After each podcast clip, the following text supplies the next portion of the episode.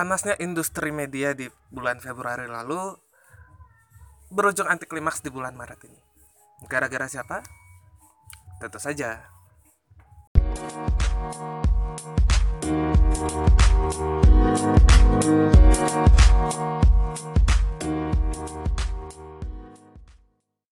Halo, saatnya kembali kita ngobrolin TV. Berbeda dengan isu penyiaran tanah air di bulan Februari lalu yang cukup panas karena banyaknya persaingan di berbagai sisi, di bulan Maret seperti yang sudah saya khawatirkan di podcast sebelumnya, ya saya mengarah ke hal yang kurang mengenakan sebenarnya. Tapi sebelum kita membahas hal tersebut, kita lihat lagi ada beberapa info menarik yang terjadi selama bulan Maret. Kita mulai dengan grup MTech terlebih dahulu. Grup MTech akhirnya memperkuat cengkramannya di industri penyiaran luar negeri loh katanya Indonesia TV Raba kok ngomongin luar negeri uh, sabar dulu MTech melalui Indonesia Entertainment Group berhasil meluncurkan saluran baru di layanan Starhub TV di Singapura.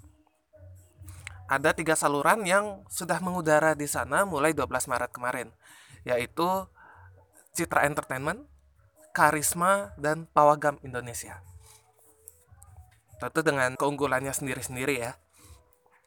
MTech melalui Indonesia Entertainment Group sebelumnya sudah hadir di Starhub, tapi dengan sistem supply konten ke salurannya Starhub, yaitu melalui saluran Hub Sensasi, MTech memberikan beberapa konten di saluran tersebut.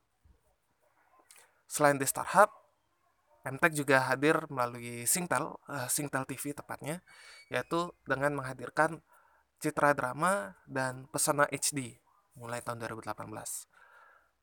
Saluran Pesona HD juga hadir di Unify Malaysia melalui Unify TV. Lalu bagaimana dengan MNC Group? Ya, kita tahu sendiri kalau MTech dan MNC itu bisa dibilang dua pesaing yang cukup keras lah di industri media tanah air. Berbeda nasib dengan MTech yang bisa menambah saluran, MNC justru kehilangan saluran di luar negeri. MNC Channel, saluran internasional mereka yang sudah mereka andalkan selama belasan tahun, ternyata telah undur diri dari Starhub TV. Mungkin gara-gara ini, MNC Channel berganti nama menjadi Oke TV. Yang sempat kita tulis juga artikelnya di Nawakarsa di pertengahan Maret lalu. Walaupun begitu, MNC masih memiliki drama channel yang hadir di Singtel TV. Jadi persaingannya emang agak timpang ya.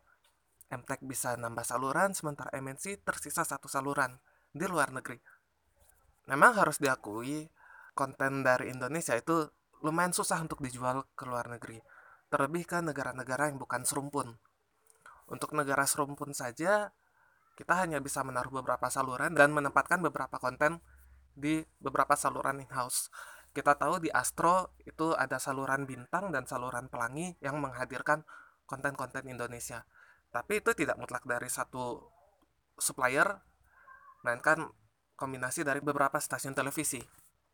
Seingat saya, untuk konten yang berhasil dijual tidak hanya ke negara serumpun, itu baru ada dua. Yang pertama itu Ala Chef with Farah Queen, waktu itu tayangnya di Asian Food Channel. Yang kedua itu ada Just Duet, acara talent search net yang lisensinya dibeli sama SIC. Walaupun ya ratingnya nggak bagus-bagus banget sih waktu tayang di SIC.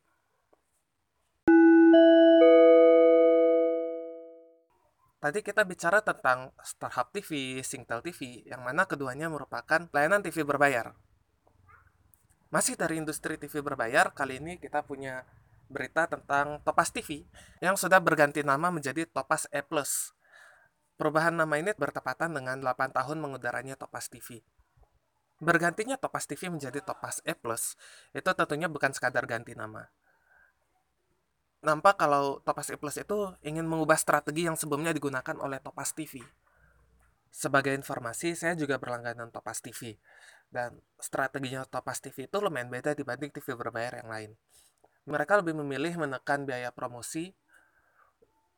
Mereka nggak ngiklan ke mana-mana untuk mereka bisa menjual kontennya dengan harga murah. Bayangkan dengan harga tidak lebih dari 500 ribu, kita bisa menikmati seluruh konten selama satu tahun. bahkan ketika mereka pertama kali jualan perangkat itu kita beli alatnya sekali kita bisa nonton gratis 2 tahun agak gila sih promonya dan memang untuk mencari pelanggan itu emang strategi yang bagus tetapi harus diakui kalau menggunakan strategi seperti ini retensinya yang agak sulit. Karena ya biaya konten semakin mahal biaya maintenance juga semakin mahal kurs dolar kita jauh berubah dari 8 tahun yang lalu. Kalau 8 tahun yang lalu masih di 11 ribuan sometimes sekarang sudah naik lagi sudah mendekati 16 ribu bahkan katanya kalau kondisi ekonomi lagi carut marut gini bahkan bisa diharapkan sampai 20 ribu tentu dengan biaya yang semakin tinggi memaksa Papas TV nggak bisa menggunakan strategi yang lama. Strategi yang sama ini mereka jalankan selama 8 tahun. Akhirnya mereka rebrand ganti nama jadi Tapas E dan juga berganti layanan sepenuhnya. Pergantiannya yang pertama tentu harga paketnya. Harga paket yang sebelumnya terjangkau sekarang menjadi hampir sama dengan layanan lainnya. Paket regulernya itu 60.000 sebulan paket premiumnya 90.000 sebulan walaupun ya channelnya cuma 30 terus juga sebagian channelnya juga bisa kita saksikan gratis tapi ya namanya juga strategi ya memang harus seperti itu. Tidak hanya dari harga layanan, mereka juga berpindah ke satelit Cinasat 10 meninggalkan Palapade. Mengenai satelit nanti kita akan bahas di obrolan terpisah, mungkin di podcast, mungkin di Discord. Jadi cari aja link Discord Nawal Karsa di nawalkarsa.id. Selain siaran satelitnya yang bergeser dari Palapa ke Cinasat 10, Topas TV juga berencana untuk menghadirkan layanan streaming. Kalau dilihat sih konsep streamingnya itu bakal mirip Vision Plus-nya MNC Vision Network atau Astro Go-nya Astro, mirip-mirip itu. Jadi bagi pelanggan Topas TV Plus bisa nambah layar yaitu melalui smartphone, tapi belum tahu kapan dirilis. Mungkin dalam tahun ini, mungkin dalam tahun depan.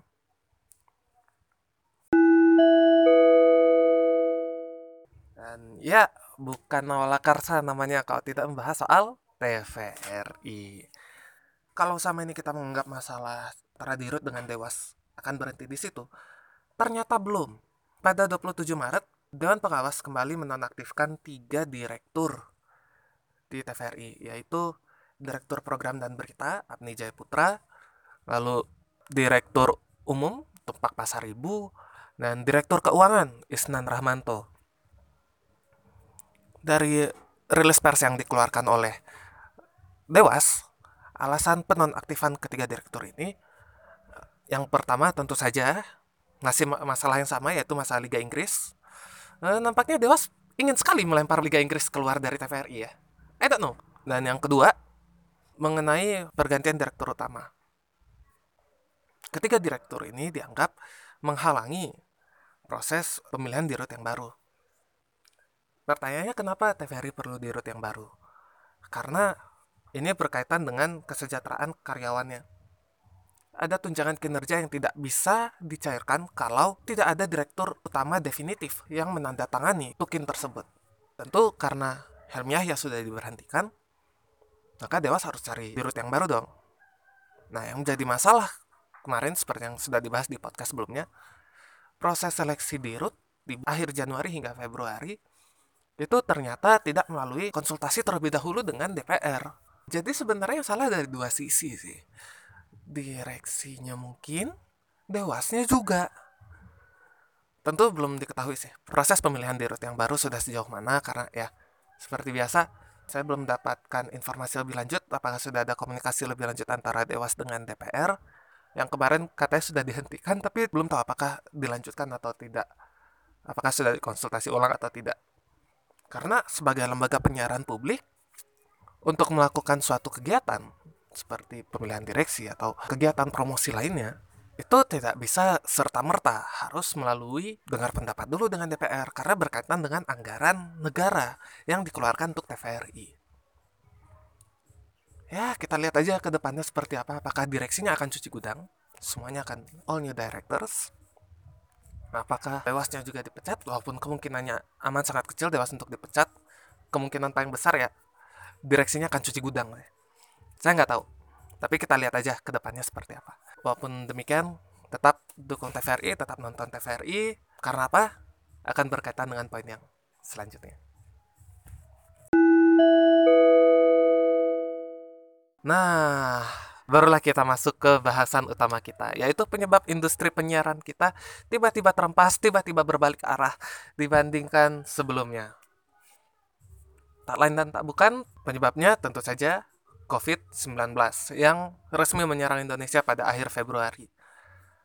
Saat podcast ini direkam, sudah ada 1790 kasus COVID-19 yang terkonfirmasi dengan 112 orang dinyatakan sembuh dan 170 orang dinyatakan meninggal dunia. Akibat dari pandemik ini terhadap industri penyiaran kita, tentu dapat kita lihat di layar kaca kita.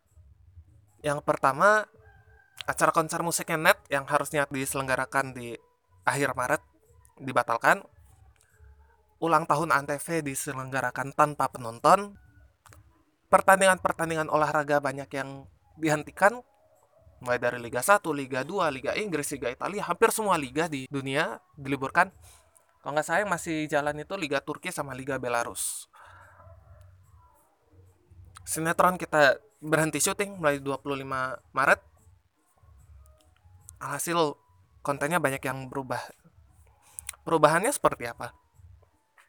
Dari yang sering kita bahas di Noah Karsa deh, sepak bola yang berlangganan TV berbayar rasanya agak rugi dong ya karena banyak konten yang berhenti. Konten olahraga unggulannya berhenti. Bahkan Mola TV baru meluncurkan paket premium ternyata liganya berhenti di pertengahan Maret. Otomatis kompensasinya berbeda-beda. Mola TV masih baik hati karena mereka memberikan tunda masa aktif bagi yang sudah terlanjur berlangganan entah itu paket Liga Inggris ataupun paket Euro. Euro katanya bakal dijalankan di tahun 2021. Jadi kemungkinan paket Euronya bisa digunakan di tahun 2021. Sementara Liga Inggris, kita masih menunggu kemungkinan bulan Mei atau bulan Juni akan dilanjutkan Liga Inggrisnya. Lalu bagaimana dengan TV berbayar yang juga mengandalkan sepak bola seperti Matrix dan Cavision? TV berbayar yang jalurnya satelit tentu agak sulit untuk memberikan kompensasi karena sistem kerjasamanya berbeda apalagi mereka kan sub license bukan master license kayak Mola yang memegang Liga Inggris. Kalau Mola tentu lebih fleksibel dalam menunda paket streamingnya. Tapi kalau untuk TV berbayar ya akhirnya TV berbayar menggunakan alternatif yang lain. Ada yang mengurangi harga paket di periode berikutnya ada pula yang memberikan bonus channel. Kondisinya berbeda-beda tergantung TV berbayar ya itu kalau soal olahraga Nah, bagaimana dengan konten yang lain seperti sinetron? Untuk sinetron ini karena banyak yang terpaksa berhenti syuting dan hampir seluruh sinetron kita saat ini sistemnya adalah kejar tayang, maka alternatifnya bermacam-macam. Kalau dunia terbalik dia ulang dari episode 1. Kalau sinetron yang masih lanjut kayak Samudra Cinta, tuh mereka main alurnya maju mundur. Jadi stok episode barunya ditayangkan sebagian, sisanya potongan-potongan dari episode-episode yang lama diputar lagi. Ya, jadi recycling konten lah istilahnya. Lalu ada juga konten yang terpaksa berhenti, kayak bawang putih berkulit merah. Lalu banyak deh sinetron yang berhenti syuting. Yang berhenti syuting itu kebanyakan menggunakan program pengganti, entah itu rerun ataupun konten lama yang ditayangkan. Kayak Antv dia mengandalkan film mulai film Susana lalu terakhir saya lihat juga film India ditayangkan prime time. Terus SCTV menayangkan hard series yang versinya video.com ditayangkan di TV RCTI menayangkan tukang bubur naik haji di jam 11 malam dan masih banyak lagi. Untuk TV yang mengandalkan variety show, banyak yang masih bersiaran tentunya, tapi tentunya tidak dengan penonton di dalam studio. Liga Dangdut, OVJ, ini baru empat mata, dan sejumlah acara yang serupa dilakukan tanpa penonton. Jadi hanya pembawa acara dan penampil saja yang hadir di sana. Sementara untuk talk show, ILC masih sama, tanpa penonton, hanya narasumber. Mata Najwa beda lagi. Mata Najwa memakai teleconference. Jadi beberapa tamunya itu wawancaranya dari rumah. Jadi di videokan live gitu, live stream. Dan itu langsung ditayangkan bagaimana dengan acara berita? Acara berita, jujur, saya agak males nonton karena mau TV merah, TV biru, TV putih, semua warnanya sama sekarang. Coklat keemasan, goreng terus. Ya, bagi mereka ya ini harus. Ya. karena apa karena memang sifatnya kita manusia ya kalau ada sesuatu yang kita cemaskan kita bukan menghindari kecemasan tapi kita menggali kecemasan itu Alhasil semakin banyak yang ingin menggali rasa cemas, semakin banyak yang nonton mereka. Semakin banyak yang nonton, semakin cemas. Semakin banyak yang cemas, akibatnya apa? Semakin tinggi rating TV-nya. Semakin banyak pengiklan yang datang. Cuan! Itu dia. Kita perlu lebih selektif lah. Kalau masa-masa seperti ini memang kita cemas wajar. Tapi terlalu menggali rasa cemas pun juga nggak bagus. Memang kalau kondisi seperti ini yang paling benar itu adalah dengan kita diet informasi Diet informasi itu maksudnya seperti apa? Kita mengumpulkan informasi boleh, tapi atur waktunya. Makanya kalau dilihat seperti zaman dulu gitu, bapak-bapak yang menengah ke atas tuh tiap pagi baca koran, lalu siang sore berkegiatan seperti biasanya, malam nonton secukupnya. Itu termasuk contoh diet informasi yang bagus. Untuk kasus seperti ini, TVRI sudah menunjukkan contoh yang cukup baik dengan menghadirkan waktu-waktu tertentu untuk informasi mengenai COVID-19. Yang perlu kita ikuti yang paling cepat itu ya tiap jam 3 sore lebih lah. Karena di jam tersebut selalu diperbaharui jumlah kasus yang ada, sebarannya seperti apa, yang sudah sembuh berapa, yang sudah meninggal berapa.